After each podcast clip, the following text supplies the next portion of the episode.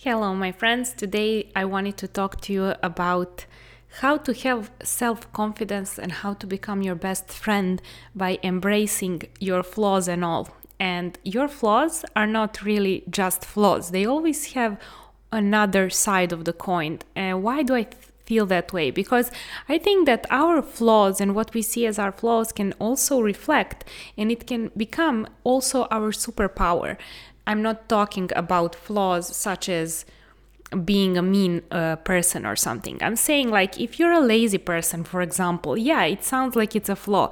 But on another standpoint, it can also be very healthy and good for you because you know how to relax. And people who are not lazy, who are only working and doing, and who are workaholics, yeah, they get a lot of things done but then again they have trouble relaxing and they usually suffer from heart attacks and stuff like that. And lazy people they just don't.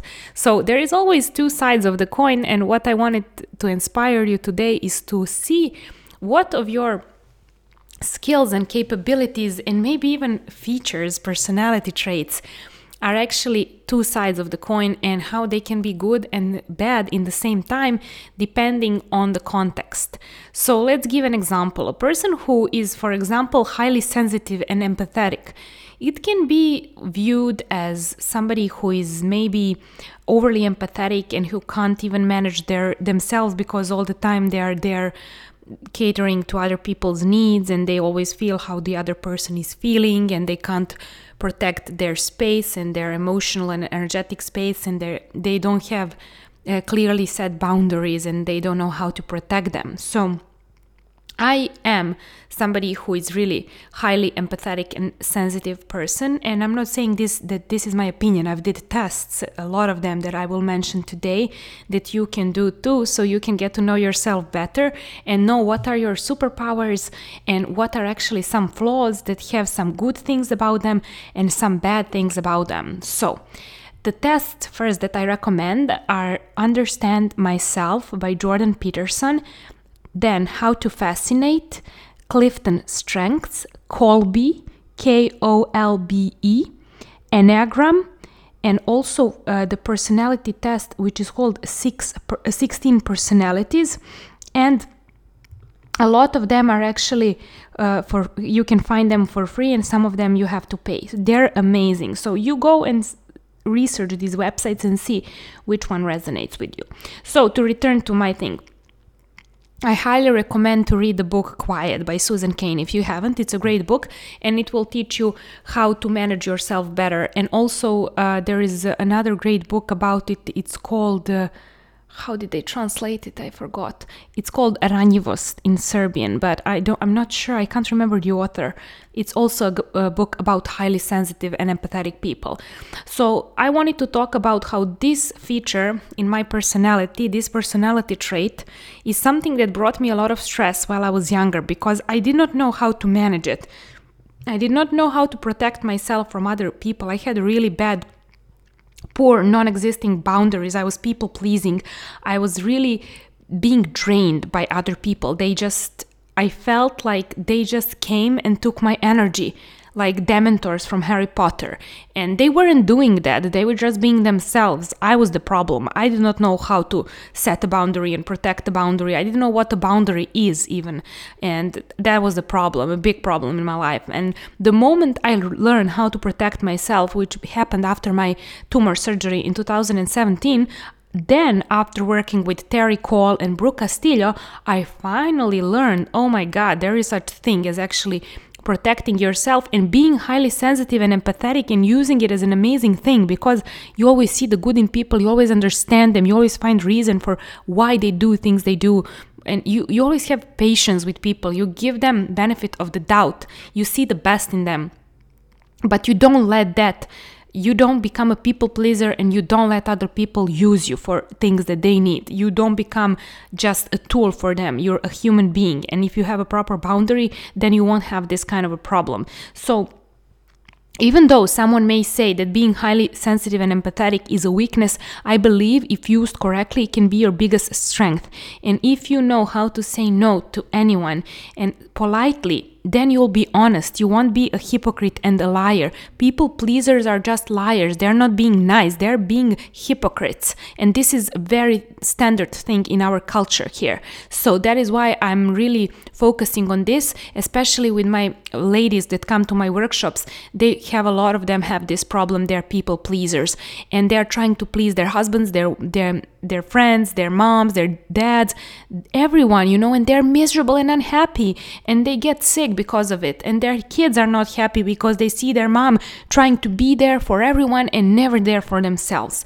It is so important to understand that being highly sensitive and empathetic does not have to be equated with being uh, basically a people pleaser who is always tired and always drained. You need to use your so called weaknesses as strengths because it's always the second side, two sides of the same coin. If you learn how to set and protect proper boundaries and say no when you feel when your when your yes is a lie, you should say no. That is a simple rule.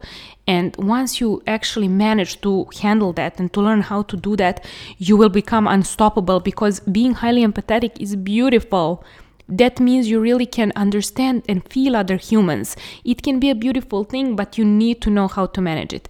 A book that can help you out immensely is called Boundaries, updated and expanded edition When to Say Yes and When to Say No. It's a book by Henry Cloud and John Townsend, and I highly recommend this book.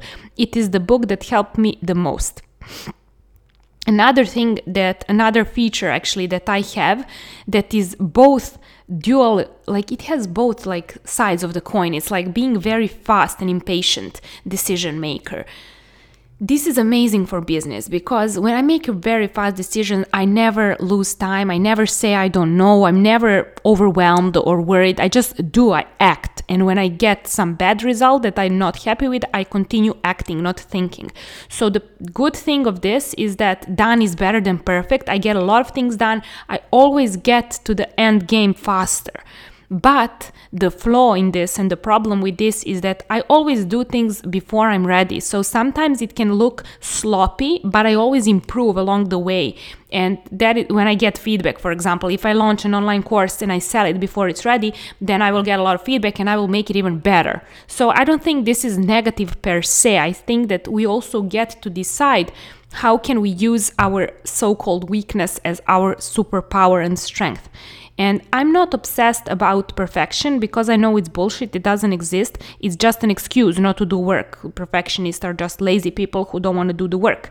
So the problem or scared people or worried people which is the same they just let the bad side of the coin rule over them so the problem here is to understand what is your problem so to be self-aware and you can use that like you can become self-aware by going to regular psychology with your psychology sessions or with your coach or doing these tests that I recommended. So I don't think that it is uh, important to actually uh, do and be someone that people want you to be. I think it's very important to use the skills and superpowers and personality traits you were given to work best for you because there are hundred ways to get to the same result, to the same place and you need to use the skill sets and the personality traits that you were given by birth and that you developed as a young adult and even if you're older doesn't really matter. It is very very important to be yourself and to know when you're self-aware you know exactly where you can improve and you can plan to improve because it doesn't happen spontaneously at least not to myself I know what are my flaws and I work on them all the time and I'm very aware of them. So I think it's a great thing to be aware that there is no such thing as a good or bad. There is just context in which something can be positive or negative.